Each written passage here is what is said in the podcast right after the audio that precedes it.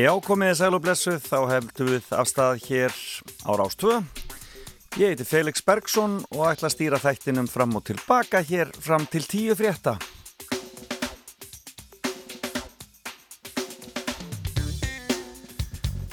Og það er bara eindælisveður hér í höfuborginni í morgun, taldið svona þungbúið vissulega en svona ekkert of kallt. Þannig að um, e, það er svona nátt hjá okkur á landinu með skúrum eða slittu í eljum sunnan og vestanlands og síðdeis í kvöldn og síðan búast við rigningu víðumland og hitin þetta þrjú til átta stig eins og hann var að segja okkur um, í fréttunum áðan.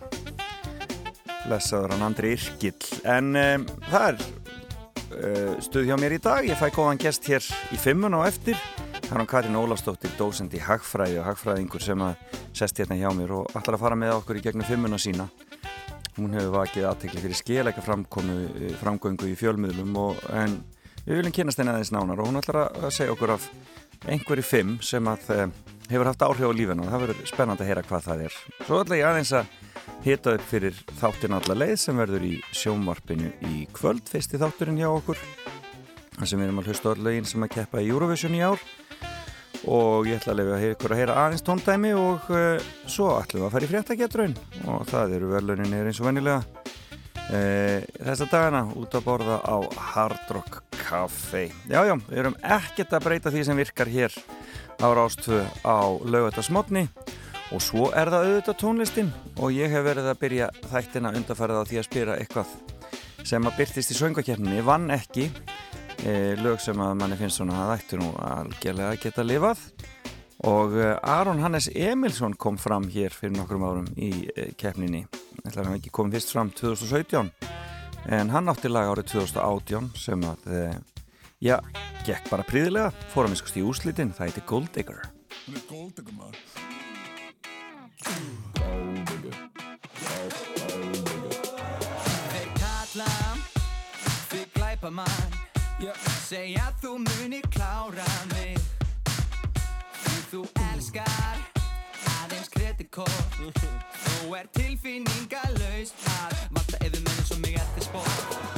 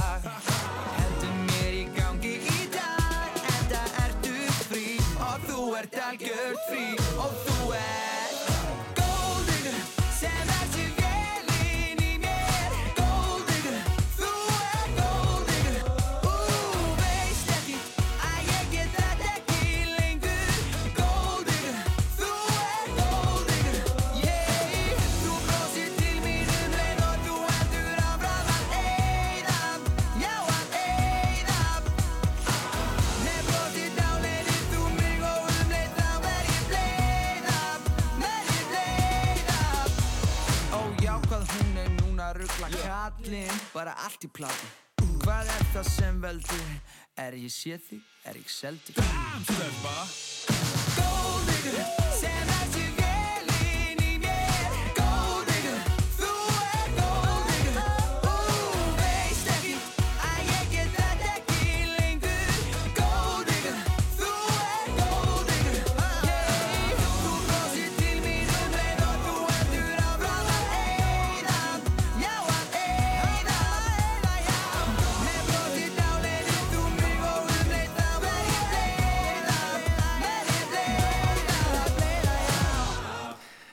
Aron Hannes Emilsson hérna og uh, Gold Digger. Já, þetta var svona lægi sem margir byggustuði kannski aðeins meira af þessari keppni en svona fyrir þetta. Eh, gaman að revja þetta upp, ferlega fínt lag. Hérna er nú annað sem er ekki síðra. Þetta er Jóhangi Jóhansson og Don't Try to Fool Me og hér eftir þetta lag þá byrjum við Katrin Ólafsdóttir að rappa. Það verður spennandi að heyra. Fimmuna hennar sem fer um víðanvöll og víð út um Ímislund. Listen to just what I've got to say. Everything is coming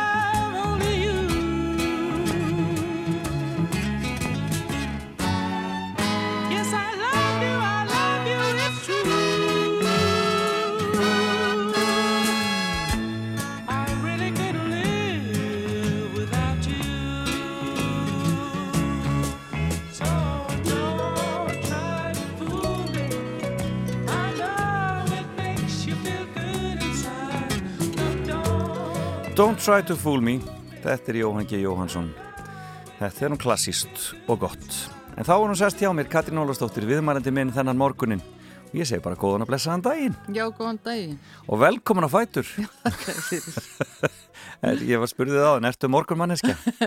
Ég, ég fungir á mótnana ef ekkert fyrir úrskeiðis. Já, það er svoleiðis, já. Það er þannig, en ef eitthvað fyrir úrskeiðis þá getur dagur verið erfiður. Já, akkurat ertu, En, en, kaffið er, ertu mikil kaffimanniska? Já, já, ég og kaffi snobbmanniski Já, líka, sko. þannig að. Gerur það sjálf eða þarf að fara á einhver ákveðna staði til að ná í Ég, fyrsta ég er með svona ágæta vél heima og, Já. og, og, hérna uh, kaupi bönir og, og hérna allt þetta. og hittar mjólkina og svo Já, leis já, já. Þú ert alveg þar Já, já, já. Já, já, svona átt að vera. Það er fólk er svona silt, það er þannig. E, fimman þín, hún er skemmtileg. Þetta er í annarskipt sem við fáum svona fimmu. Ok, Því að Sigriður Beinteinsdóttir, stórsöngkona, hún kom og var með þessa sömu fimmu og þú. Ok, það er ekki leiðum að líka. Það er sko ekki leiðum að líkjast. Það eru fimm bílar. Já, Ertu bíla dellumanniska? nei, það er ég ekki. Nei, En, það er sigga hins vegar. Hún átti erfitt með að velja, sko. já, ég, ég, hef bara átt, ég hef bara átt fimm bíla. Já, það er Þannig að bara, þetta eru allir bílarnir Það- sem ég hef átt. Sko. þetta er stildir einn. En þetta er svona, sko, svona svolítið saga feminismans í gegnum bílæg mína. Þannig að það fannst mér svona skemmtilegt. En hérna, skemmtilegt. Skemmtilegt. Já, ég held að það hafi öruglega verið svolítið svipa hjá Siggu því að hún var einmitt sko bara farin sjálf af stað og fekk sitt sjálfstæði Já, með fyrsta bílnum. Dúk, dúkarinn á þeim tíma Já, en, já, já, en, svo við hættum að tala um hana þá bara skulum við byrja á fyrsta bílinn hver er fyrsti bílinn? Fyrsti bílinn sem ég kefti mér var út í Ameríku. Þar kefti ég bíl Mazda GLC. Já, Þetta einmitt. voru mjög algengi bílar hér á landi á þessum tíma. 323 hétu þeir hér á landi. En þeir hétu GLC í Ameríku. Já, Og það nú saga segja frá því því ég kefti bílinn. Þannig að þetta ég er að kaupa minn fyrsta bíl. Ég Já. er svona rétt rúmlega 20 á þessum tíma og, og hérna út í Ameríku. Einn þar.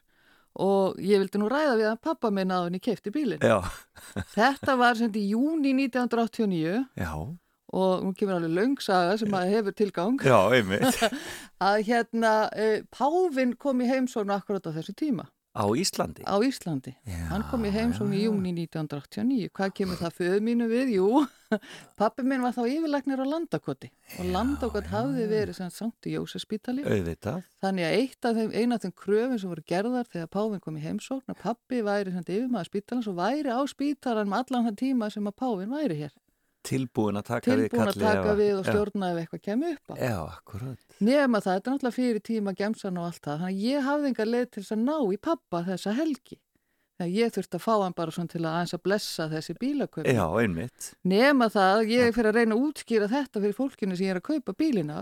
Fyrir mér var þetta bara raunveruleikinn. Það var bara svona, ég ætla að vita hvort ég geti beðið fram yfir helgina. Já, því að daga. væri að að að páfann. passa páfan. Og ég var ekkert komið langt með söguna því ég áttaði mig, þú veist, eins og ég segi, mér fannst þetta bara mjög augljóst eitthvað en, en svipurinn á, á þessu fólki sem hjónum sem var að selja við bílinn, hann var alltaf skrýtnar og skrýtnar Já. og enda að segja, ég, ég ætla bara að kaupa bílinn. Já, akkurat, og henda með þú bara ki- kýldir á þetta Ég bara kýldi á þetta. þetta, þetta, þetta var ekki saga sem að var alveg að halda vatni Það, nei, en eins og sé, þetta var bara minn raunveruleik. Já, algjörlega, algjörlega og, eh, og, eh, En af hverju þennan bíl? Þetta var bara, passaði mér og inn, inn í mitt budget á þessum tíma. Já, Sko. akkurat Nefn að það langsist því ég náði pappa, þá spurði hann, já, sagði hann við mig, sko, já, þú veist hvað GLC stendur fyrir? Og ég sagði, nei, ekki hugmynda. Það stendur fyrir Great Little Car. Já, Og síðan gekk þessi bíl allir meðan allar minna skólafélag, það var aldrei talað um annað en My Great Little My Car. Great Little Car, En hvar varstu stönd? Hvar, hvar varstu þarna á þessum tíma? Þarna var ég komin í doktorsnám í Cornell University í Bandaríkjunum, þetta á Já. Östuströndina. Ég Já, hafði verið á Vestuströndinni áður, Mhm. þar átti ég ekki bíl sjálf Nei, en keiriði bíl kærastans já, sem var uh, Chevrolet Chevette, já, önnudrusla. En hérna, já, þannig að En hvar hafður verið á vestuströndinni þá? ég var í Los Angeles Losa, á, já, Já. já, bara í sólinni í sólinu og menguninni líka. Já, einmitt, já. og tókstu masterinn þá þar eða Ég hvað? tók, nei, ég tók uh, undergrad það sem heitir AB, það heitir sko Advanced Bachelors. Já, Svo fer ég já, beint í doktorsnámið. Tek bara, já, þannig gera þetta oft í bandaríkjónum og tók bara mastersprófi sem hluta af doktorsnáminu. Og, af hverju Ameríka? Var þetta bara, Það er algjörlega sagabaka það, sko. Nú. Ég er fætt í bandaríkjónum já, já, já, og, og hérna er með bandarískan ríkisborgar. Fóreldrarnir þá í námi þá Já, pappi var í námi, skurlagnanámi Já. og alltaf langað mér svona vita meira um þetta land. Já. Ég er fjagra ára því ég flytti heim til Íslands Einmitt. og man ekkert eftir þessu Nei, En þannig að ég fór En samt svolítið og- svona rósröðu draumur Það, hvað? þetta, var, þetta var eitthvað sem vantaði, mér vantaði þetta. Vita hvernig Amerika væri, hvernig Skil væri að búa þar. Já. Þannig að, að það var, var ákvörðin að fara. Og ástæðan fyrir ég fór til Los Angeles, ég fór í gegnum prógram hér hjá á Ameriska sendiræðinu, þess að þeir hjálpuðu ákvörðum hópið, að sækja um og þeir hjálpuðu fólki til að sækja um skóla. Aha, Þannig að ég fekk inn í nokkrum skólum. Já. En bróður minn var þá í, í skóla í, í, í Kaliforníu Já. og þetta var næsti skóli við. já, Það var tíminn að kessla á milli sem er ekki, ekki mikið á ameríska mæli. það er sannlega ekki þannig Þannig að, að, að það var úr að ég fór þanga, þannig ég væri svona með, með bróður minn og mákunni þannig í, í rétt hjá mér. Það er, það er nú alltaf mikið öryggi í því Það skiptir mér miklu máli. Það að, mjög gott. farið að hafa. langa leið Já. En ég menna saknaður ekki sólarinnar og, og, og þegar þú fylgdur yfir á Íslandströndina? Nei, það ger ég ekki. Ég, mér fannst rosalega erfitt, það var aldrei neitt veður. Nei. Það var bara aldrei neitt og þegar kom ryggning og rók þá hljóp ég út sko. Já, Og þá leið mér vel sko, þannig að nei, það, það trublaði mig ekkert. Sko. Nei. Þannig að það var líka svona, það var svo margt í Kaliforni sem ég bara fílaði ekki. Já, hvað Og- þá meinur?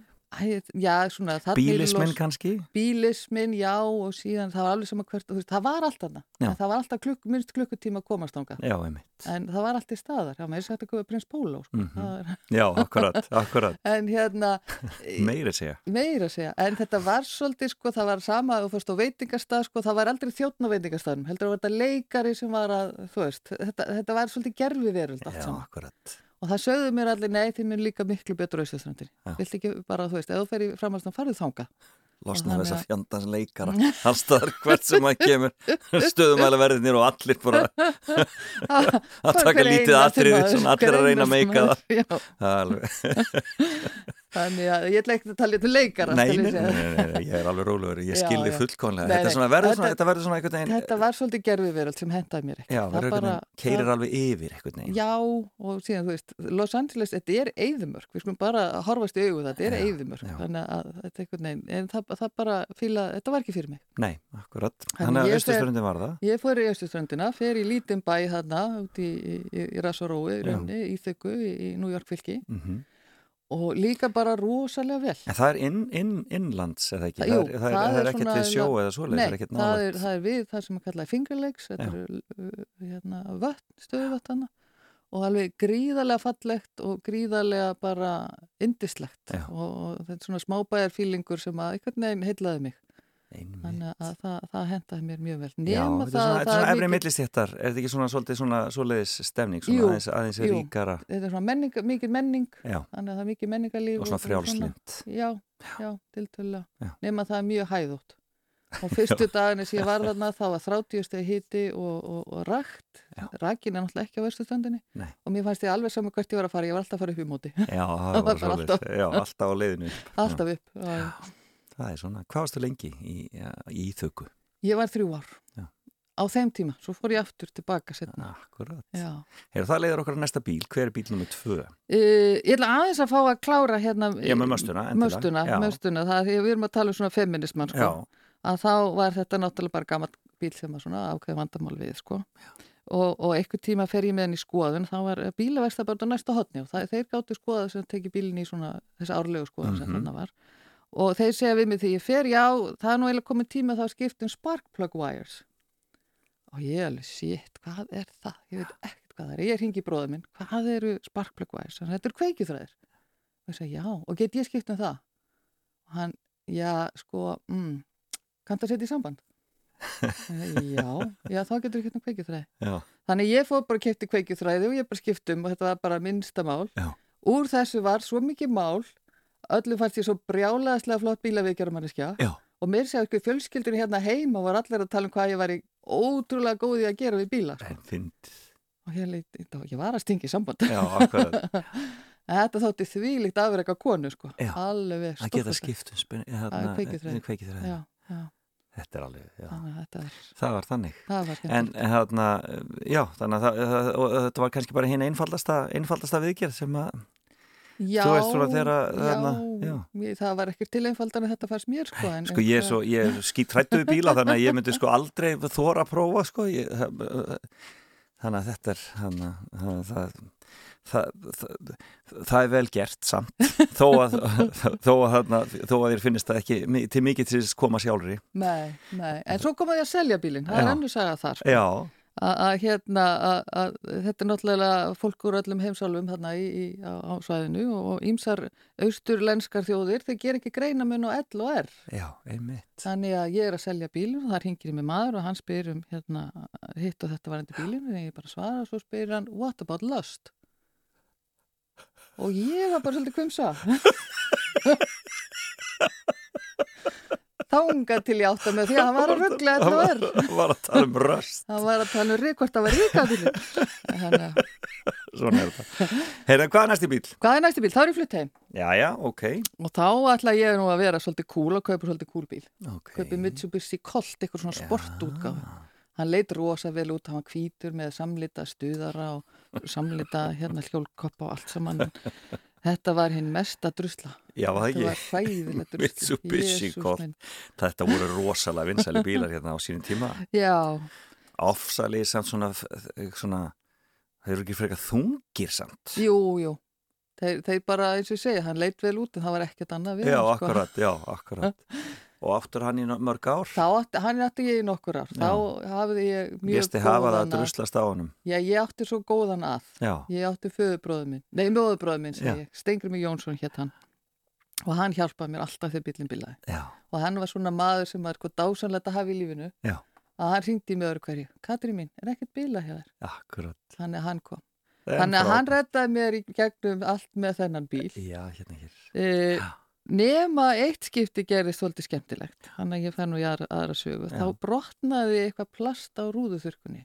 Já, Þannig að til þess að setja rúð, aðra rúðuþurka þarf ég að brjóta restin af plastinu. já, já, Þannig að ég stað, stóð út á bílarplani heima hjá mér, fyrir blokkina sem ég bjó í. Og hérna var í þessu mjög svo ógáfulega verkefni að brjóta restina af plastin svo geti sett nýtt á þá kemur ókunnum maður, hann er bara eða geskumandi í húsinu og finnir hjá sér eitthvað þörf að standa yfir mér og halda fyrirlestur það hvað konur sér ómölir að gera við bíla. Og þetta er svona eitt af hér. undarlegri hérna, aðtökum í lífinu. Einmitt Þannig að og hann aldrei spurði hann hvað ég var að gera eða hvers vegna eða hvort hann geti hjálpað mér. Nei, nei, Nei. hann bara fannst allt í ástæð til að segja að konur væri bara ómölir í Amazing. sem ég stóð í bjánalegasti bílavíkjur sem ég hef verið í. Já, já, akkurat Þannig að þetta var svona, Það er það er ótrúlegt svona þessu konur lendastundum í eitthvað svona stórfurðulegum hérna. Já, það er þessi þörf til þess að hafa vit fyrir og Já. einhvern veginn að, að, að, að, að halda fyrirlestur yfir fólki Já, um einhverja vitleysu síðan sko. Já, og, þú veist, á þess að vita nokkuð um hvað það tala, þess, held, þess Ætli það þess, heldur, ætli þess hafi gjörðu virkur í aðtöðsendakerfunum svona þegar áleið sem kannski örugglega. var ekki komin á þessum tíma Alveg öruglega. Þarna fann hann sér staðar, Sko. Þarna, hvað ertu fann að gera þarna þegar útkóðin heim? Er ég fann að vinna í fjármálaráðundur. Já, já, já, fórst beint í það þegar, Fór beint þangað þegar ég flutti heim, já. Já, Já. Og, og um, með hagfræðin og opnið, þú varst á ekki búin að klára doktorsnámið Ég var búið með allt nema doktorsýrgerina. Ok, Og þar þarna var ég, sko, áður en ég tek ákveðum að fara heim, þá var ég búin að vera úti í sex ár, já, kem hérna heim og ég bara svona fæði þessa tilfinningu, annarkvært ég heim núna eða aldrei. já, það var bara svo Það var bara svo leið. Já, Þannig að ég svo, ok, fer heim, verði eitt ár og svo sé ég til. en svo byrjar að rílengjast Svo, já, það gerðist að ég veiktist eftir fyrsta árið, Já, lendir á spítala og, og svo bara, já, það var ekki tækt, gæti ég ekki farið út aftur. nei, ég sko. skil þig ekki alveg Þannig að þetta var bara svona þessi ákvörn var eiginlega tekin, tekin frá mér, sko. Já, einmitt Þannig að En- mér líka rosalega vel í fjármálarandur, Já, vel. hva, í hva, hva, hvað varstu sett í þar? Þar var ég á, að það þetta var svona lítil skrifstofa, efnaðarskrifstofa sem var svona bara fylgjast með efnaðarsmálum, uh, undirbúa ráðherra og, og, og ráðnýttistjóra Já. ef við þurftum að vita eitthvað með efnaðarsmál og svona Já. ef eitthvað kom upp. Já. Þá skoða hvað, þú veist, um hvað máli snerist og, og svoleiði, sko. Þannig að þú ert í rauninni koninum í fræða, aðeins í fræða skikkjuna þarna? Já, já, já, þetta var bara beint eftir tengdist áminu mínu. Já, sko. næstu því bara já. kennsla hreinlega þá fyrir Mörgulegt Já. í stundum, já, já, já, já, það kom alveg fyrir, sko. Já, að að þú færi kannski fjármálar á þeirra sem er ekki mjög verseraður í, í hagfræðinni að, að Nei, Friðrik Sófusson er þá ráð þeirra, sko, nýkominn inn og, Já. og hann var ekki dófeimi við að spyrja að ég er lögfræðingur og bara Akkúrat, spurði. og bara það- Ég kunni alltaf rosalega vel að metta við hann og hann, hann bara spurði. akkurat, Já, þannig að það kom fyrir þetta halda fyrirlestur verðbólgu með haldtíma fyrirvara eða eitthvað. já, akkurat, algjörlega, útskýrir fólki. En það, það endist ekki og þú ferði yfir í þjóðagstofnun. Jú, en ég var lengi í fjármálaræðandunni. Já, En það er setna, það er já, þá fer ég yfir á þjóðastofn. emmi. Já, Já, það er, það er nokkur, það er ennþá nokkur ári í það þarna. já, já, já. Já. En hva, hver er þriði bílinn? Þriði bílinn er, já, það er saga að segja frá honum líka. Nú, já, já. Já, sem við haldið áfram með sögurnar, sko. Skemmtilegt. Þá, eh, það kemur að því að Steingrimur frændi minn, indislegi maðurinn, hann fer svona í að í við mig, þó að hann, hann er frægur fyrir það að eiga druslu sjálfur, Já, var það. já. En hann fór nú og svo, já, já, Katrín mín, er nú ekki komið tíma til að skipta. Já. Og þá vissi ég, ok, Nú hann er búin að fá nóg að Já, druslunum minni. akkurat, já. þá ég nú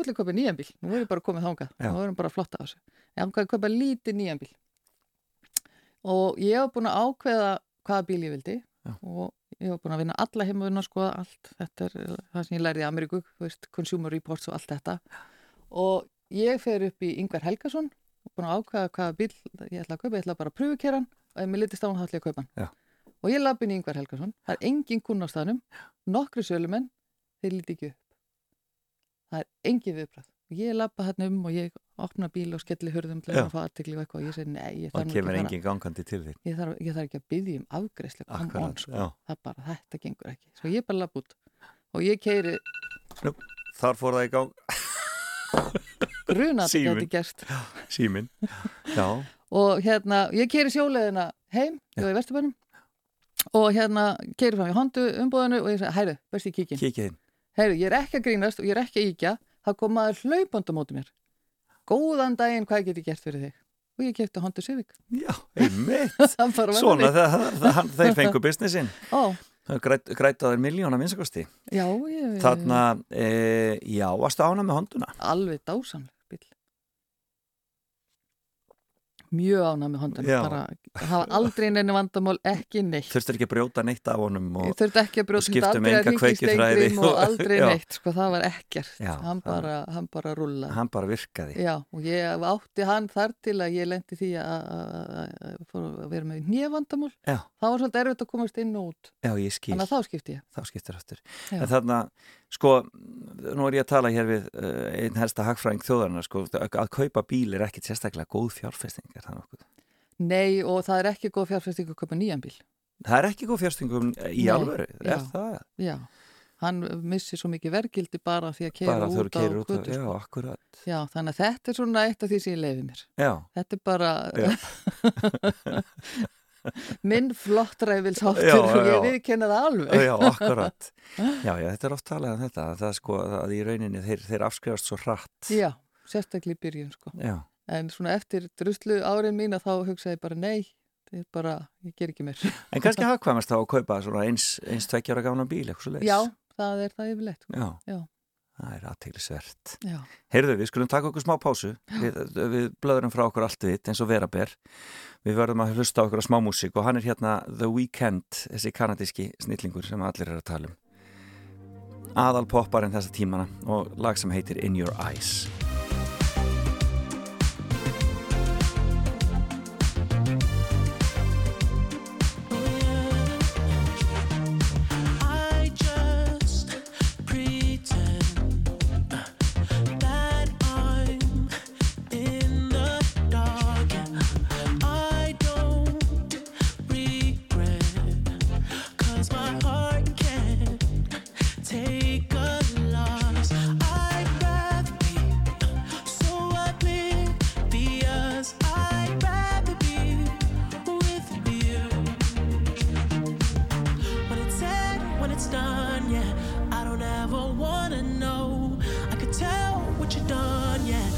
I look at you in your eyes,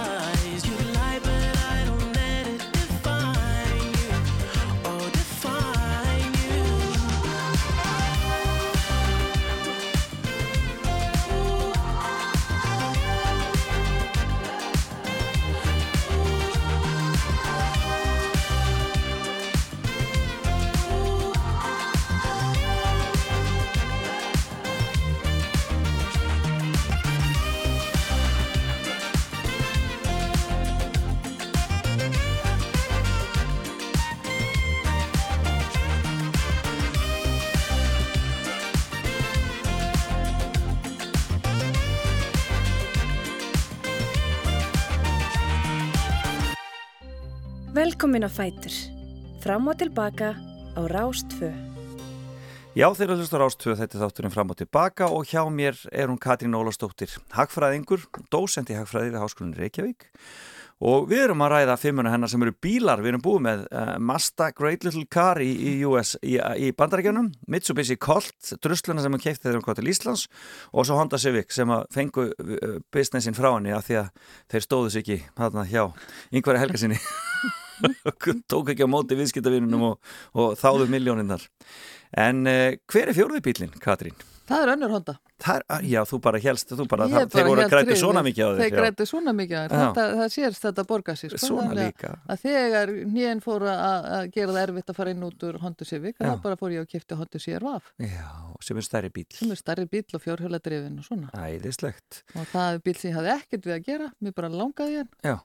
Og þar var bara ótrúlega margir sem þurfti að hjálpa mér við það að réttlæta þessi kaup. Við, Já, það ekki, Jú, já. Já, nöðslegt fyrir að eiga svona bíl, sko. Já, en varstu þá farin að fara eitthvað svona, ertu, ertu útivistamanniski eða svoleiðis, var það dögðan þér í svoleiðis? Já, ég líka komið að sumabústa þá og svona. Já, ok. Já, já. Hvað ertu um sem búst það? Skoradal. Já, æðis gengið. Og áttu enn eða hvað? já, já, já, já, já, já. Og, hvern, og nýtur hann svolítið? Já, já, töluvert, töluvert. Og vetrum þá líka og svoleiðis? Já, minna núna því ég er ekki lengur á fjórhjóladrifin Já, bíl. akkurat. En, En þetta var, það þurfti allar að hjálpa mér við þetta að, Já. að réttlæta þessi bílaköpin. Ég milla bara langaði í bílinn, það Já. var ekkert annað. akkurat. En þarna, e, er feminista kringum hann líka? Nei, það er bara allt í róli Já. hann. Ég bara kefti bílinn og keirði hann í mörg, mörg ár og, Já. hann svo. Já, akkurat. Já, það er gott. En e, þú, þú ferði í þjóðarstofnun. Já, Það var uh, merkilegt fyrirbriði já, og var lögðnið um pennastriki sem fræktur orðið kannski. nákvæmlega, nákvæmlega og þar, þar lendi ég í allir þeirri ringiðu. Já, þú lendir í þeirri, já, já, í já, þeirri. já, algjörlega, algjörlega. Hvað varstu fann að gera þar? Þar var ég fórstöðum að þjóðarspár. Já, einmitt. Þá var bara gerð ein þjóðarspá á Íslandi og þetta var hún og, og hún var í mínum höndum. Já, og hún var ekki ráðamennum alltaf í, í, hérna, í, í, í spáinni sjálfu sér. En, en, en það sem við bentum ávarðandi hagstjórn, það fjall ekki í, í ljúfalöð. ekki alltaf. Nei, nei, og endaði semst með þessu að, að stofnunni bara þessu. lögð niður. pennastriki að þjóðninu löð niður, já. og setti þér í sælabanka í rauninni eða hvað E, já, hluta til í sælu, eða sem sagt, það, það var þannig á þjóðastöfnu, það var bæði gerði þjóðasreikningar og þjóðaspá Já, og það var raunin þannig að þjóðasreikningarnir fóru á hagstofuna já. og Sæðlabankin tók, eða fóru að gera þjóðaspár. og þú ferð ekki með í það yfir sælabanka Nei, það var ákvörðin sem ég tók, þetta var, þetta var afskaplega ljótu tími, leiðilegu tími, Já. gagvart stjórnendum, að það var svona mikið verið að eh, búa til svona missætti í hópnum og þetta og hitt og það væri, fólk væri með svona agenda og eitthvað. Já, Þannig ég sagði bara strax ef ég var það formaður starfsmannafélagsins, ég sagði ég er ekkert hluta af þessu mhm, og hérna uh, uh, ég vil bara koma fólki vel fyrir, Já. er, en veist, það, það, þetta snýst ekki um það að ég sé eitthvað starf að koma árminni fyrir borð, ég ætla bara ekki að vera, vera hluti. þannig að þú tókst bara ekki þátt í þeim Tók- leik. tók, eh, tók ekki þátt í því að ég ætla að plassera Nei, ég setja skil sjálfa þig, mig, ég ég, skil ég ætla bara að fara eitthvað annað Og hvað, hvernig upplifun var þetta? Þetta lítur að hafa verið erfitt að upplifa svona pólitíkin einhvern veginn. þetta var gríðarlega erfitt vegna þess að þarna var uh, starfsfólk sem búið að vera að vinna hann áratugum saman Já. sem allt einu upplifið algjör óvissum sína framtíð Já, og þetta var, þetta var rosalega mikið pólitík í þessu og svona leiðindi þetta var, þetta var, þetta var, þú veist, þetta var svona, ég hef stundu sagt, þetta er svona kennslubókadæmi um hvernig mannustjórninu ekki að vera já, maður mann eftir þessu. Þetta Já. var heilmikið mál. Þetta er hvað, kringu 2000 og... Um, 2001, tvö, 2 já, einmitt, þetta er já. bara rétt hann eftir aldamótin. já. E, og hvað gerir þú þá í kjölfara þessu? Ég endaði í landsbókan Já, já, ok. þetta er fyrir engavæðingu, já, tekka fram einmitt, einmitt. Já, já, og ég er þar á þeim tíma sem að- Björgóls Feðgar taka við og, Já. og þetta já, þannig að þú ert inn í, í engavæðingaferlinu öllu þar. e, já, Já. Til, er Já. í greiningadeildinni þar Þú ert í greiningadildinu þar. En, en fó, hvenær fórst aftur til Ameríku síðan? e, það, er, það er aðeins setna Já. ég er sem, mér líkar ekkit vel í landsbókanum Já. bara þetta átti ekkit við mig Akkúrat. átti alls ekki við mig þannig að þá er það sem að, að, að háskóli í Reykjavík auðlýsir eftir starfi Já, og ég er að velta fyrir mér þessari auðlýsingu og fer á fundi í hagstofunni og lendi þar í, í liftu með eh, Sigurði Snævarvinni mínum já, já. og hann segir að fyrra bræða á þess að ég hef sagt eitt en eitt, hann sagði allar ekki að sækja mig í, í HR ég er að hugsa um það, jú Já, og varst ekki tvann að hugsa um það? Jú, ég var aðeins farin að Já, hugsa, ég var já. ekki búin að nefna vitna, nei, þetta var bara Þetta var fyrsta sinn sem mér. það var sagt, En þetta já. er bara fyrsta skipti sem hann segir, hann segir þetta bara allt einu bara upp á þurru, sko. Einmitt, það þarf stundum. Og ég segi, jú, ég var aðeins að spæða það. Þannig að ég geri það, og sækja mig HR. Og á sama tíma þá eru þarna einhverja breytingar í, í landsbákanum sem að ég sé fram á það, ég ætla ekki að taka þátt í, Nei. bara mér langar það ekki, ekki, þú veist, þetta er bara, já. Þannig að ég er búin að fara í eitt viðtal í HR, segi upp í, landsbank, í landsbankanum já, og veit ekki að svo bara lappa ég út og segja ég er atvinnlaus í fyrsta skipt á æfinni já, akkurat. og þá er ég kvöldið annað viðtal í HR og náttúrulega þessi heimur er lítill þannig ég þorði ekki að hann að segja þú veist ok, ég er bara þannig vitið að þá er ég búin að segja upp í landsbankanum. Þannig að ég var ekkert að þú veist fela það neitt en ég fekk það starf sem sagt í HR. Og er búin að vera það Og síðan verður lektor hérna fyrst og ert nú náinn já, dósent. já. Og uh, hvernig líkar þér inn í HR? Nógu lík- vel til að hafa verið þar bara síðan? Nógu vel til að hafa verið það síðan, já, Já. já, já, já, já, já. Og færð að vinna rannsóknum, ertu, hvernig, hvernig er, er þínu starfi háttað? Er þetta Já, mikið kjensla eða mikið er- rannsóknir? Þetta er kennsla og svo er rannsóknir líka og svo Já. svona hlutir stjórnunar, stjórnunar hlutverk líka. Já, einmitt. Þannig að það er, er prósent skipt eitthvað Já, já. í því. Mm En það er kannski HR sem að rekur þið aftur að stað þá í, í að klára doktorsnámið Já, eða hvað? það gerir það. Ég bara sé mjög fljótt að ok, þarna er ég komið líka vel, ég er að kenna, mér bara Mhm. finnst það skemmtilegt. E, fyrsta kennslureynsla mín var í, þegar ég var í framhaldsnáminu og ég hugsa, hvað með hvað, ég get aldrei verið kennar, ég, minn, henni, ég er ömuleg kennar, það er ekki sens að ég geti þetta.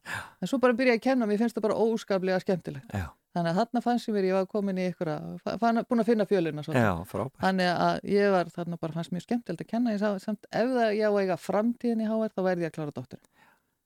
Einmitt.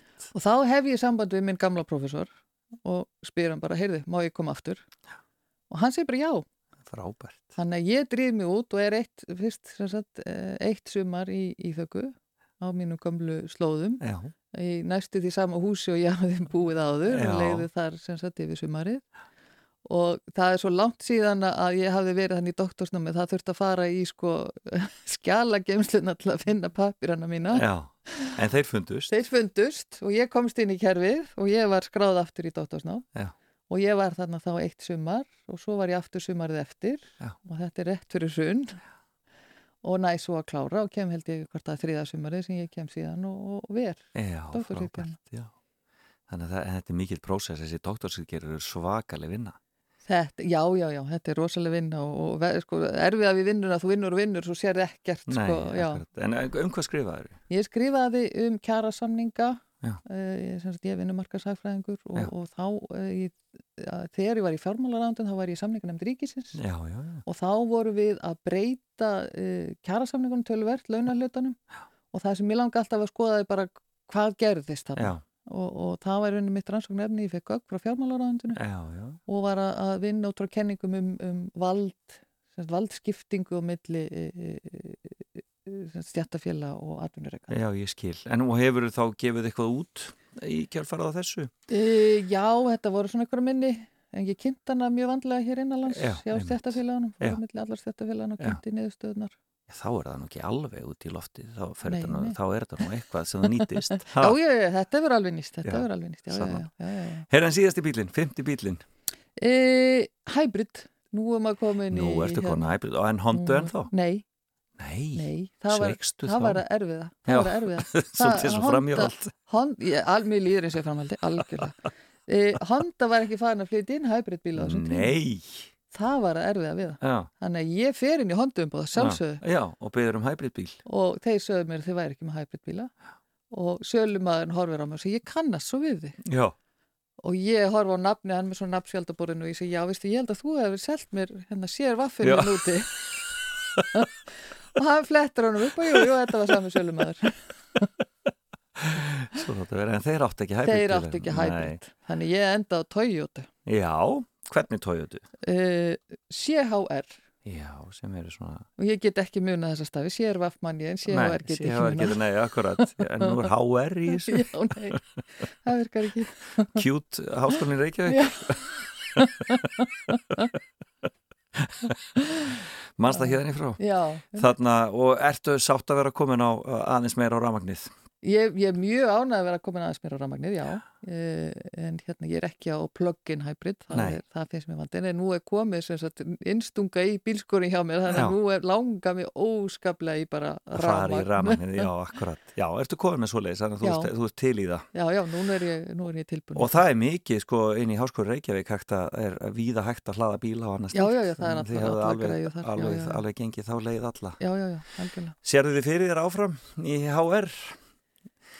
Ég maður alltaf að hugsa og spekular og spá, sko. Já, já, akkurat. er, já, já, já, já, já. Það, jú, ég, ég með fjárbúðamann í Þýskalandi sem að svona togar svolítið, sko. Já, þetta er svona, hvar er hann? hann er í litlum bæ sem heitir Erlangen, Já, rétt já, á Nürnberg. Þetta er, þetta lítill bæ sem enginn hefur heyrt um. já, og hann er þýskur eða hvað? Hann er danskur. Já, Já. Og, og, og er hann hann tógar þið þangar alltaf Já, þetta er svona, en það er gott ég með hérna svona sveigjanleika í núverandi starfinu, Sko. já, akkurat En COVID er náttúrulega búið að flækja þetta töluvert. Svona líka, það er, við skulum vona að við fáum lífið okkar tilbaka fyrir en varir E, þú ert búin að vera mikið svona uh, í fjölmiðlum og þú er náttúrulega gripið mikið til ykkar, sérstaklega kennarana og hagfræðingar sem geta útskýrt fyrir okkur málin. Hvernig líkar þér að, að, að sinna því hlutverki? Finnst þér það mikilvægt, mikilvægt hluta starfinu? Já, mér finnst það gríðarlega mikilvægt og það sem ég finnst sko fólk miklar svo fyrir sér hagfræðina Já. heldur hún sé svo flókin og erfið þetta er svona með kveikjuþræðina, þeir reynast bara mjög einfaldir þegar til er komið en þannig mér finnst að vera sko af því leiti sem ég get og fólk hefur sagt mér að ég, ég komi hlutunum frá mér þannig þessi skiljanlega þannig Einmitt. mér finnst það bara mjög mikilvægt að, að, að, að sinna þessu hlutverki að reyna að útskýra hvað er í gangi og hvað er það sem skiptir máli En finnur ennþá að, að, að pólitíkin verður irriteruð, að, að einhverjir, pirrast þegar, þegar þú uh, stígur fram og nei, nei. Ekki eins og var, ekki eins og var, Nei. nei, svona öðru vísi kannski. já, nei, ég, ég finn ekki, ekki kannski bara er ég hægt að taka eftir Já, ég nenni læt ekki að hafa að áhrif á já, mig. nenni ekki að pæli í því lengur. Það er ágætt. Katrin Ólafsdóttir, það var dásanlega að fá því hérna til okkar. Bílarnir þínir, Mazda GLC, eða GLC, Mitsubishi Colt, Honda Civic, Honda Servaf og Toyota CHR, akkurat. Við erum algjörlega með þetta og þetta er svona, og við erum að, að, að kynast þeim og þér betur í þessu góða spjalli, gaman að fá þig í fram og tilbaka. Já, takk fyrir mig.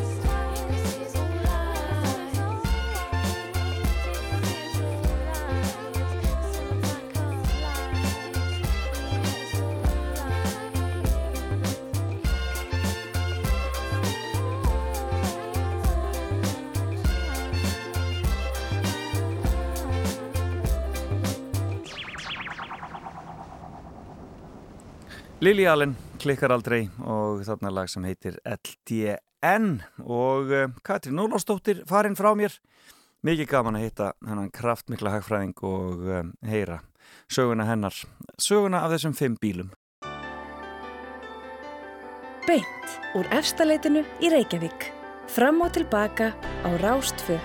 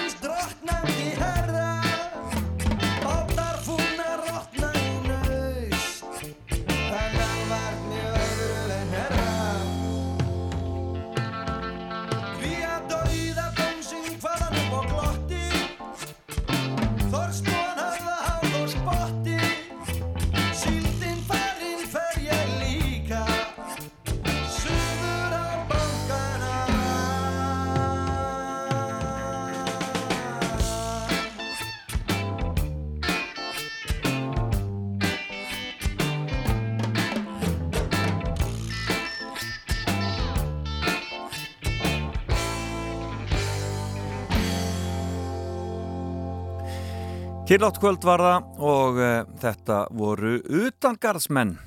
Já, já, alltaf góðir þarna. En uh, við hefum pláss fyrir eitt lagi viðbútt.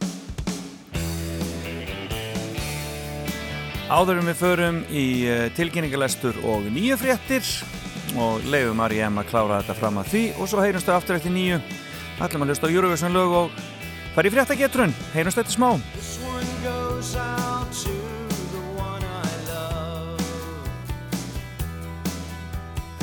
This one goes out to the one I've left behind.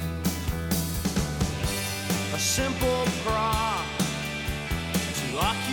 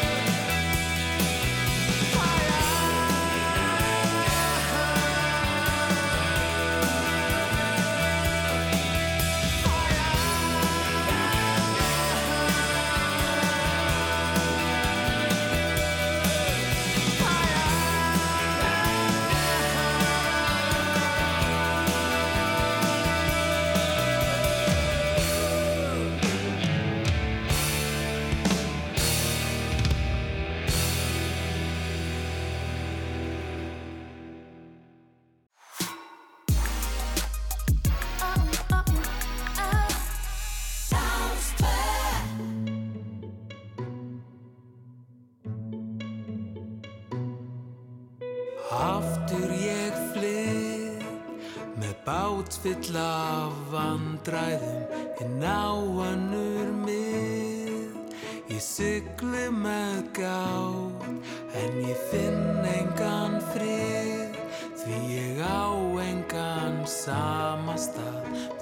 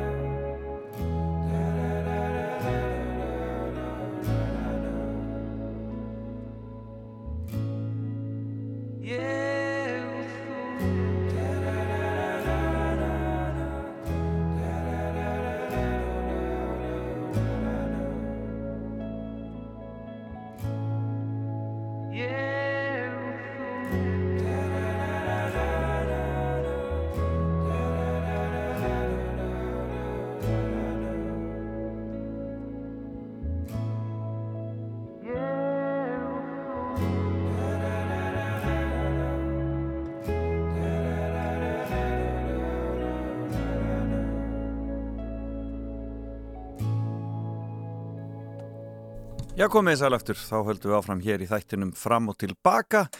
Og þetta var hann Tryggvi sem byrjaði þetta hjá okkur uh, eftir nýju fréttinnar með uh, þessu príðilega lagi sem heitir Við erum eitt. Uh, og um, það er ekki úr vegi að ef að menn ætla að uh, vera eitthvað á ferðinni í dag hér á Suðvesturhóttinu að tekka á brennisteinsmengunni uh, og gósmengunni frá Fagradalsfjalli.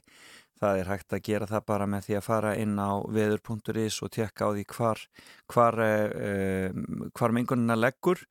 Uh, og ég veit að margir hér á höfuborgarsvæðinu hafa verið að finna fyrir þessu uh, undanfarið. Og um, þannig að ef að fólk er viðkvæmt fyrir endilega fara varlega og um, bara fara varlega að hvar sem við erum.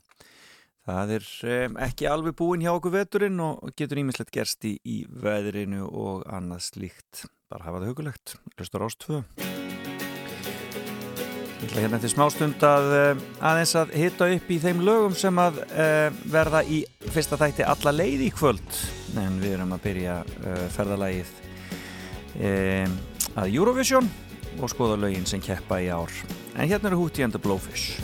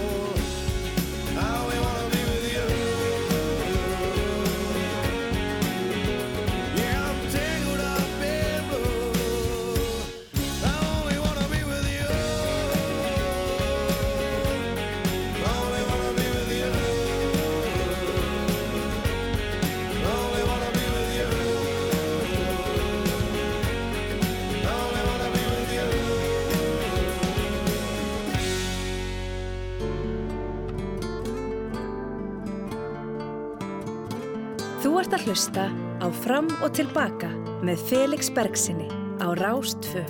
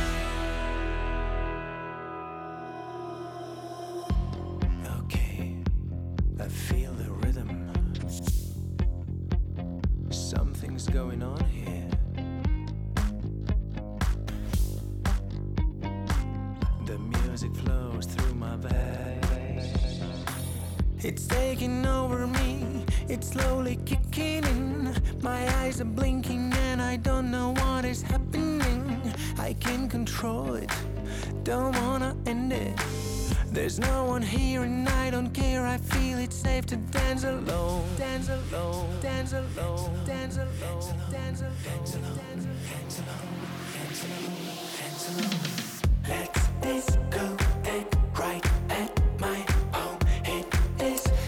Já, við erum að byrja í alla leið í kvöld í sjóvarpinu og um, e, ætlum að byrja að fara í gegnum fyrri hluta, fyrri undanústariðils og þetta er fyrsta lægið sem að sést á sviði í Eurovision í ár.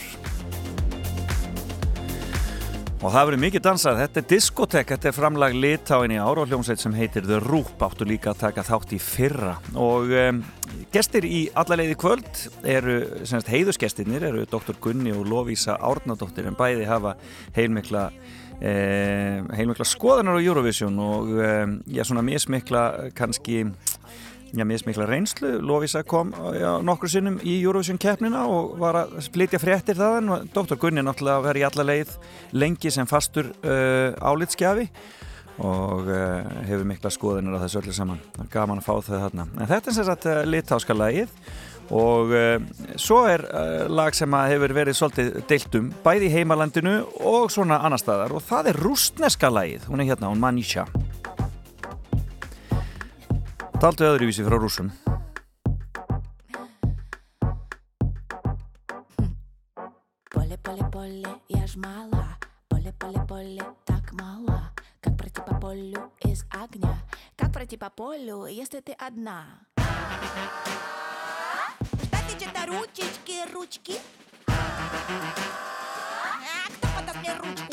девочки?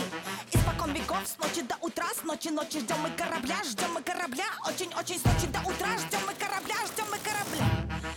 А чё ждать, встала и пошла.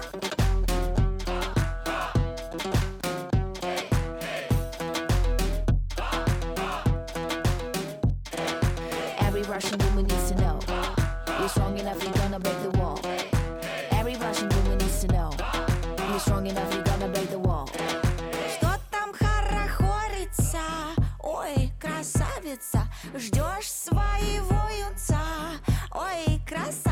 красавица Тебе уж за 30 Алло, где же дети? Ты в целом красива Но вот похудеть бы на день подлиннее На день покороче. Расслабь без отца, делай то, что не хочешь. Ты точно не хочешь, не хочешь, а надо. Послушайте, правда, мы с вами не стадо. Вороны, пиш-пиш, прошу, отвалите.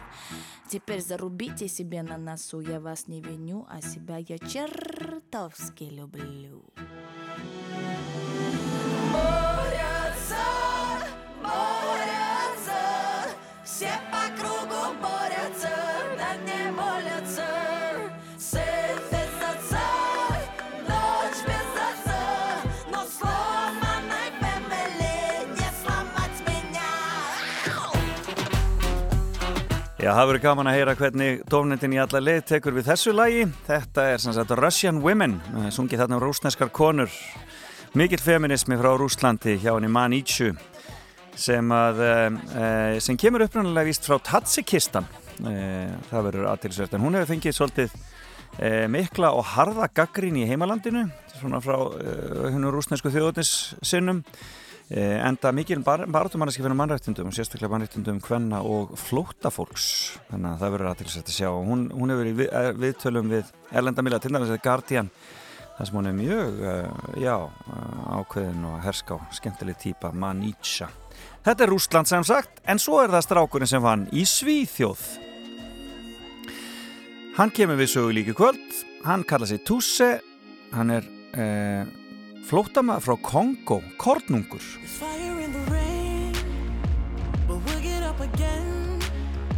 We're thousand miles apart, but we'll overcome.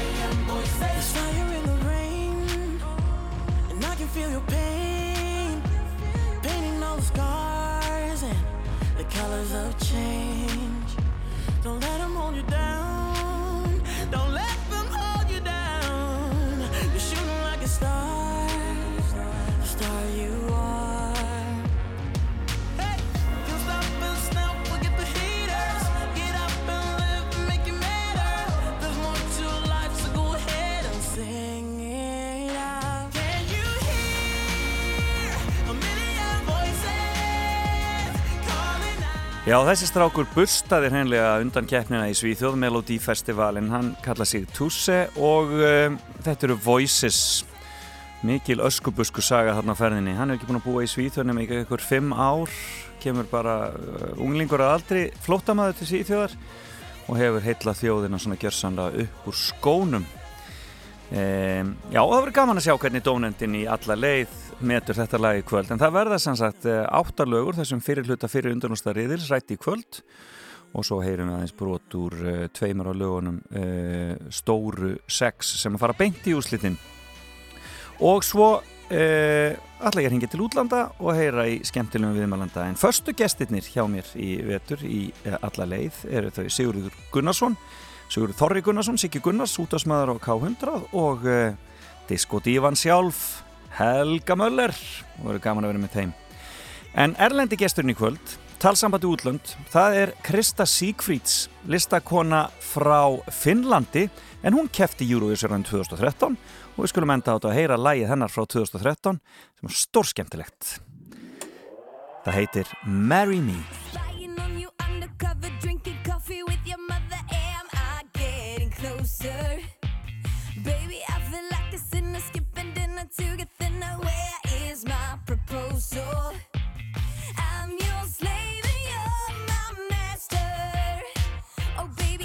take a shot.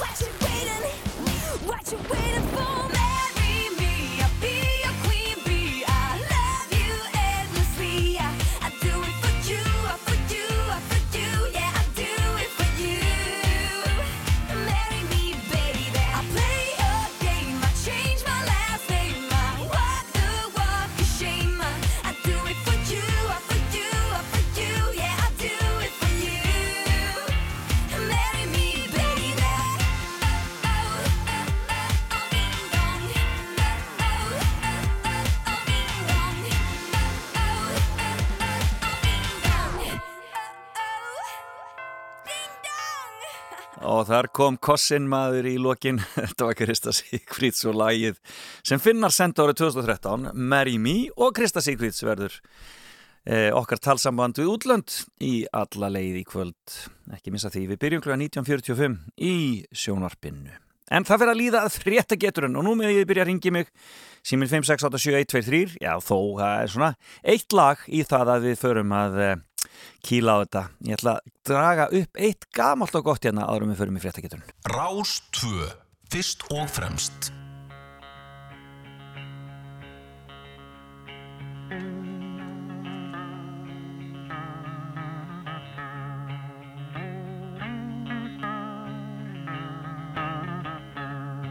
Moving to the country, gonna eat a lot of peaches.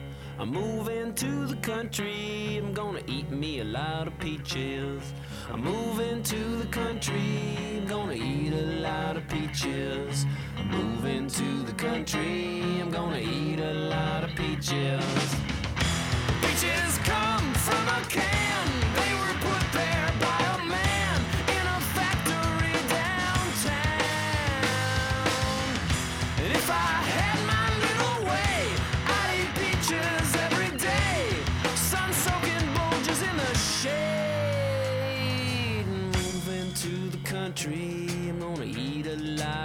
peaches. Moving to the country, I'm gonna eat a lot of peaches.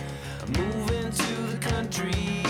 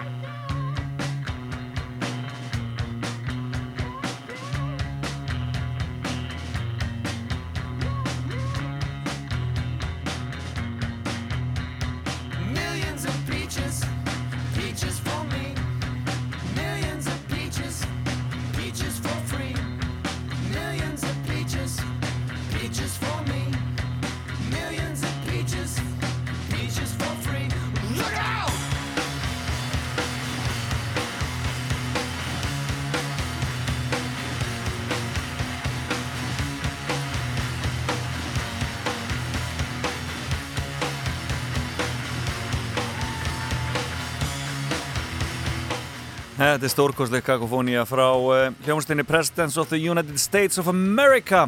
Og uh, það sjálfsögðu er þarna sungið um Peaches. Hvað heitir það aftur á íslensku? Svona er mann á rugglaður En þá er það fréttageturraun síminn 5687-123 5687-123 Þið meði byrja að ringja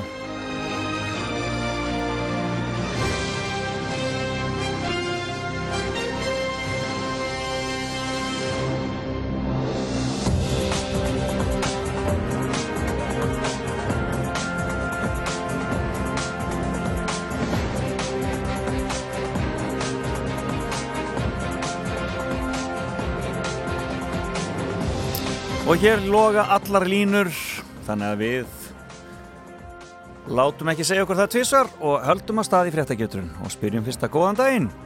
Góðan dag. Sæl og blessuð. Hvaðan ert þú að ringja? Kópavogi. Þú ert í Kópavóinum. Heyrðu, þú fylgist vel með fréttonum? Á öllum miðlum ger ég ráð fyrir? Já, nokkuð svona. Já, já, gott að heyra. Það ég... getur nú ekki setið með þetta allan daginn. sko. Nei. Heyrðu, við skulum byrja... ég er óttalega með það að ég vil alltaf hafa útvarp opið þegar ég er eitthvað að dúta. Já, já, gott að heyra. Það gleður okkur útastmennina, kann ég segja þér. En við skulum, ég- by við skulum byrja hérna og sjá hvort þú er sást þessa frétt. Því að það kviknaði í brú á Austurlandi í vikunni. Þú veist að slökkvi henni af uh, í báti. Hvaða brú brann vegna gamalla símstrengja? Já, Já, það er ekki gamla brúin í borgarfyrði, nei. nei, það er ekki. Nei, ég held ég verið að láta þetta frá mér. Þú lætir það, ekki. ok, en takk fyrir að ringja. Jú, Já, bless, bless. Já, hvaða brú var það sem brann? Góðan daginn. Góðan daginn. Já, brann nú ekki, en hún það kviknaði í henni. Hvaða brú var það sem kviknaði í vikunni? Brúin yfir lagafljót. Það er hárétt hjá þér. Og þeir segja bara hún heiti bara Lagafljótsbrúin. Já. Það er, það er, það er, það er ekki, ekki romantískara nafni en það. Heyrðu, það er flott, út komið eitt rétt. Hvaðan er þetta að ringja? Uh, það er bara kópásbúið sem er hringið núna. það er greinilegt. Það er svona rosalega gott að búa þar, skýrst Já, mér. einmitt. Heyrðu, þá spyr ég. Í hvaða landi hefur ríkistjórnin farið fram á konur fresti barneignum vegna COVID-farsóttarinnar? Nei, nú er ég, nei, ég veit þetta ekki. Þú veist þetta ekki? Nei, Það er bara búið að... Já, þú, það kemur ekki... Það, þetta, sko, þetta var svona embættismæður sem kom fram og þetta vakti einmikla aðtegli þessi frétt. Nei, þú veist þetta ekki. Nei, ég veit það ekki. Og ekki skjóta. Ekki skjóta, nei. Nei, nei, ok, takk fyrir að ringja. Já, bless, bless. Nei, hún vissi það ekki, við skulum spyrja næsta. Góðan daginn. Nei, þessi veit það ekki heldur. Þá spyrjum við hér. Góðan dag. Ekki þessi heldur, nei, nei. Góðan daginn. Góðan dag. Já, góðan daginn. Sætla bless, veist þú í hvaða landi það er sem þeir eru að byggja fólk að fresta barneignum? Ég held að sé Brasilíu. Það er bara hárétt hjá þér. Það er svo svakaleg staðan á farsóttinni þar að þeir bara byggja fólk að býða með barneignir á meðan þetta sé að gangi yfir. Þetta er hárétt hjá þér. Hvaðan er þetta að ringja? Úr höfuborginni. Já, ekki kópa á í þó? Nei. Nei. Svona er þetta. Það saman er það. Já, já, akkurat. Það er eh, gott að heyri öllum hér á Suðvesturhóttinu og hvar sem er á landinu þetta. En taland um barneignir, þá gerði þingmaður viðreistnar lækkun á fæðingatíðinni að umræðefni á alþingi vikunni. Hvart er fólk til að dveljast meira í Svefnuberginu, ferðast í Svefnuberginu í sömar og eignast fleiri börn. En hvað heitir þessi þingmaður? Nægir bara fyrsta nafnið. Þorbjörg. Já, það er rétt en Nóg manstu- það, er, það er nóg, en vannstu meira af nafninu hennar? Ég hef með minnir hún sér Gunnarsdóttir. Já, Gunnlaugsdóttir er hún. Gunnlaugs, já, er Þorbjörg Sigriður Gunnlaugsdóttir. En Já. mér nægði Þorbjörg, það var það sem ég vildi Já. fá. Há rétt Það er alveg, alveg nú erfitt að muna það. Já, það, er, Nei, nei. það er oft þannig með, það er svo mikið árið að þingmönnum að það maður er oft aðeins rugglaður í þessu. Hver er hvað, já. sko? Herði, já, þá er spurning hvort að ég fari hérna í þetta hér. Því húsfískur stúlknakór er aldeilis að fá upphefð. Hvar á þessi kór að láta ljósitt skína?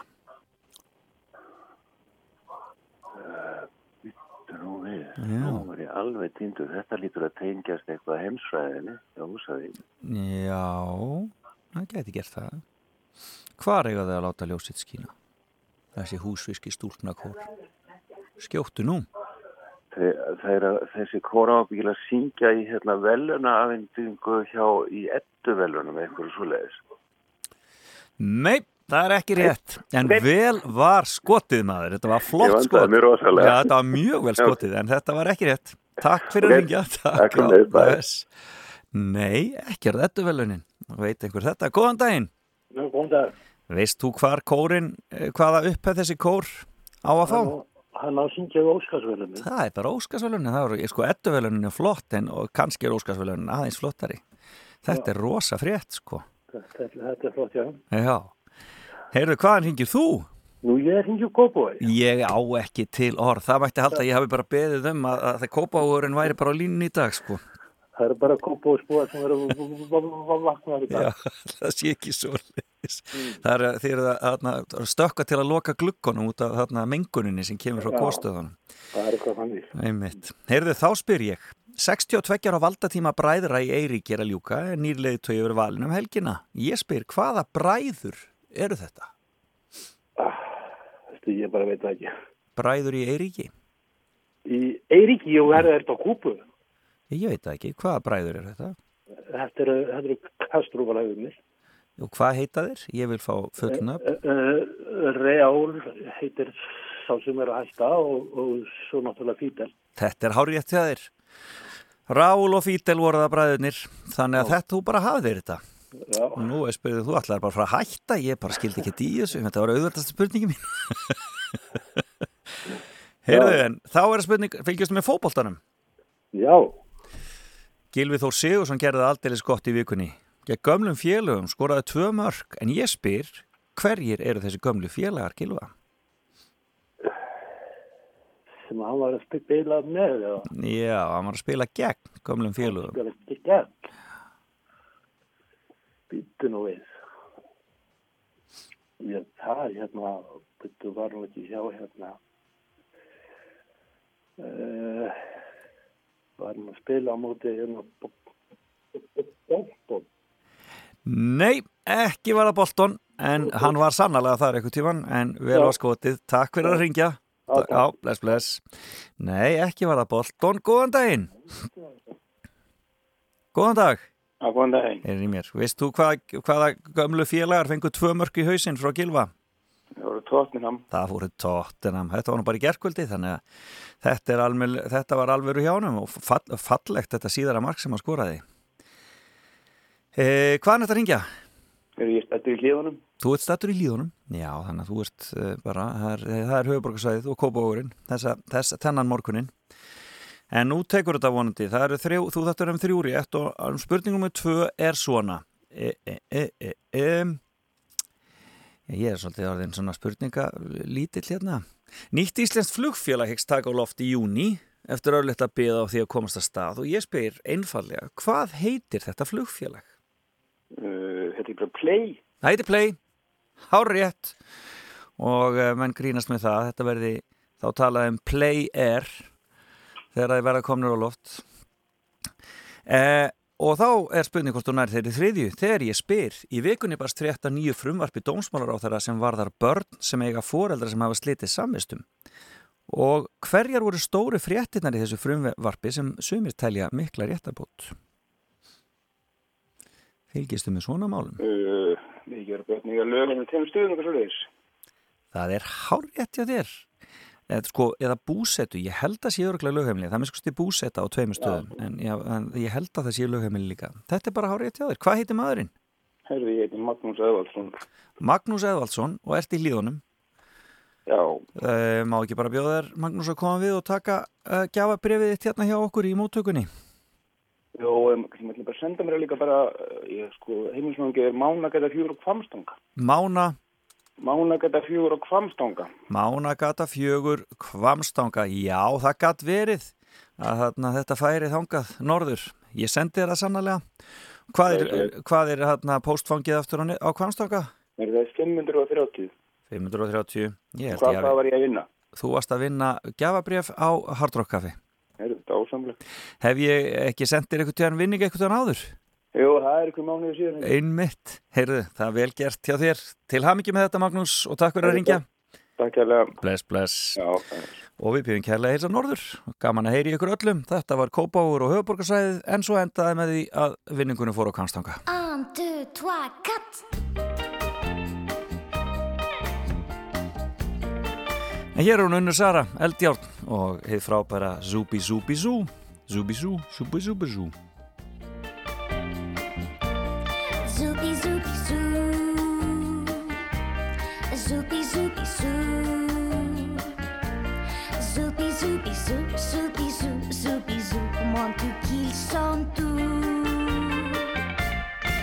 bisous, bisous. Zou, bisous, bisous. Zou, bisous, bisous. Zou, bisous, zou, bisous. Le prix de bisous.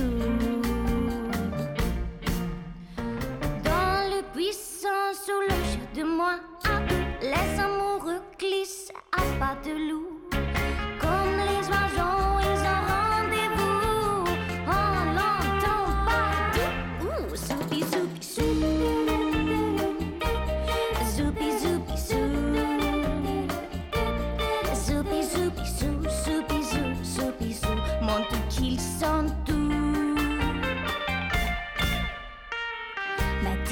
passar.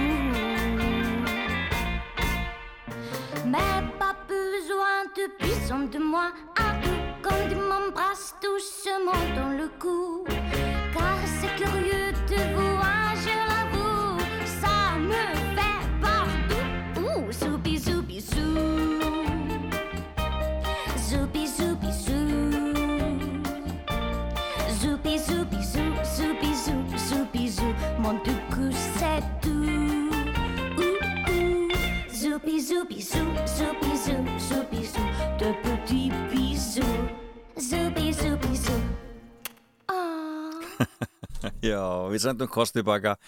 Alltaf gaman að heyra í henni unnisöru e, Ég átti eina spurningu eftir. Ég bara þorði ekki að skellin út af því ég var vissum að menn myndu ekki náði en þetta er svo skemmtileg frétt sem var í, á mbl.is um dýravendurna samtöku í ból, pólsku borginni Kraká sem fengur tilkynningum að óvennlegt dýr sem hefði komið sér fyrir í trjágrein í borginni og uh, svo sem hringdi sagði að fólk þorir ekki að opna glugga því að það óttast að dýri fari inn til þeirra. Þannig að það var bara beðið um að einhver kæmi og tækja þetta dýr í burtu áður en illa færi. Þetta var sem sagt til frétt BBC og þegar starfsfólk samtakana mætt á staðin kom í ljós að ekki var um dýraræða heldur var þetta krossant upp í tré. Svona, svona tveir krossant saman upp í tré lít út eins og stórhættulegt dýr, einhvers konar skortýr Þetta er nú meiri vittlisann.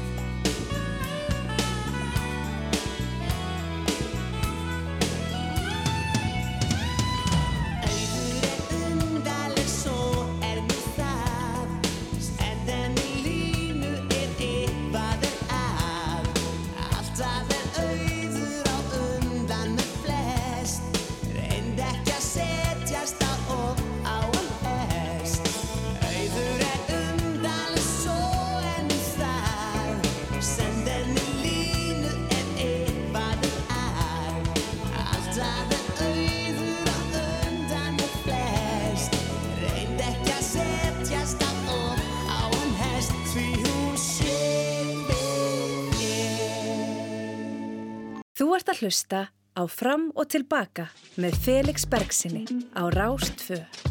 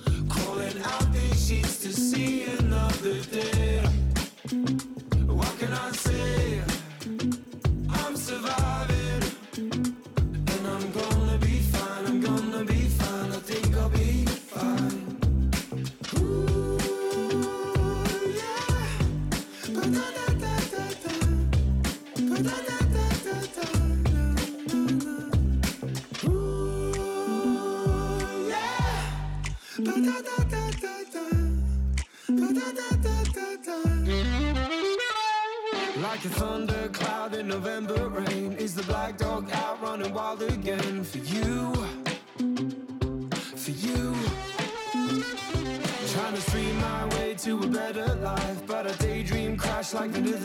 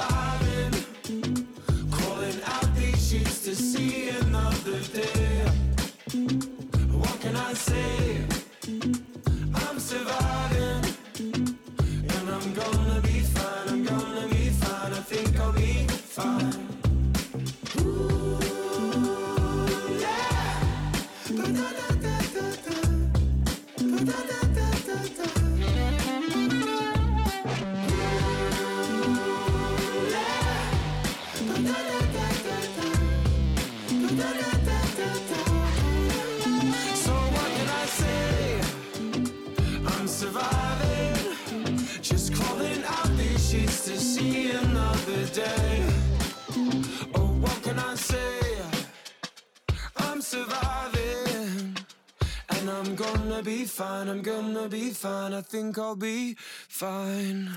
Þetta er Bastíl og Survivin. Hér klukkan tíu tekur hún Selka Sól við og það verður ljúft hjá henni en þetta er líka ljúft, Melody Gardó og Sting, Little Something. We could be a little something. I'll be everything you wanted. I could bring you real comfort Give you a break from loving. I'm trying more just a little.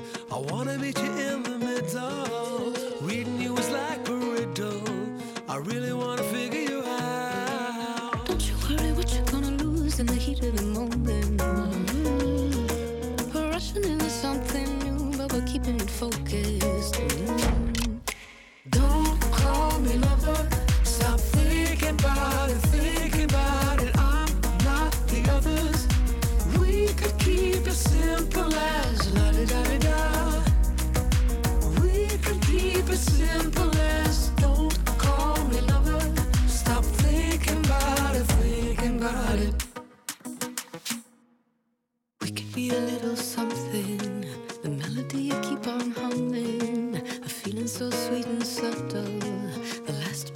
your puzzle.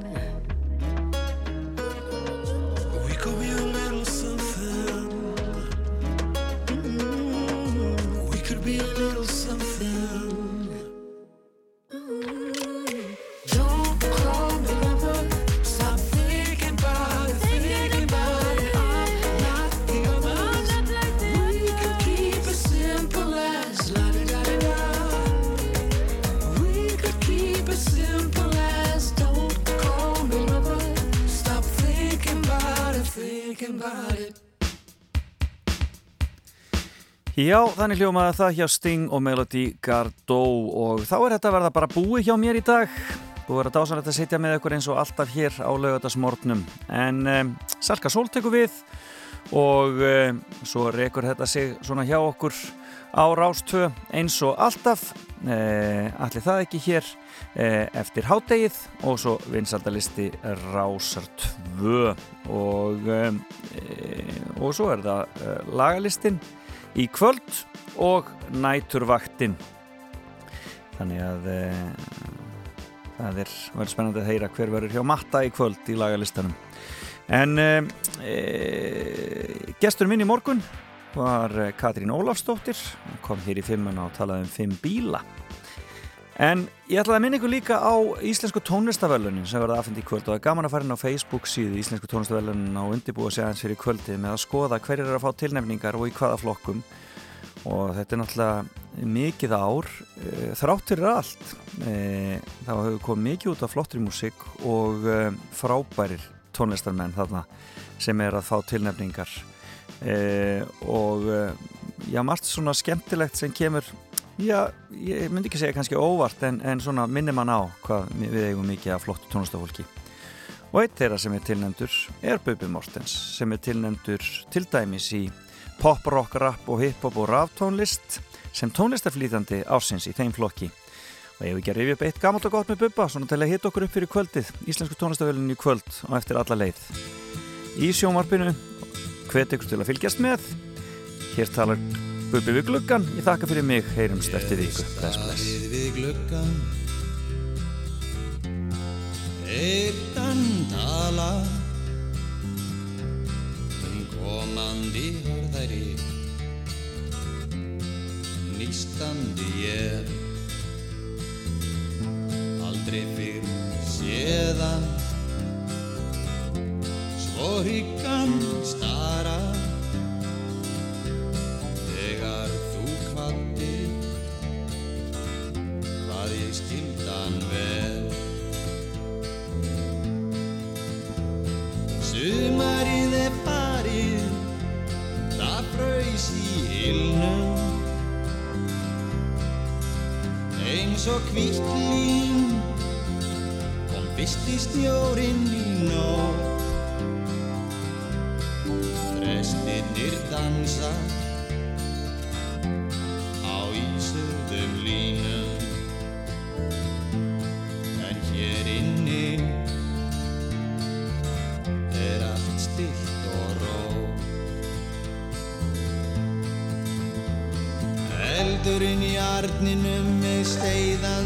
good guys.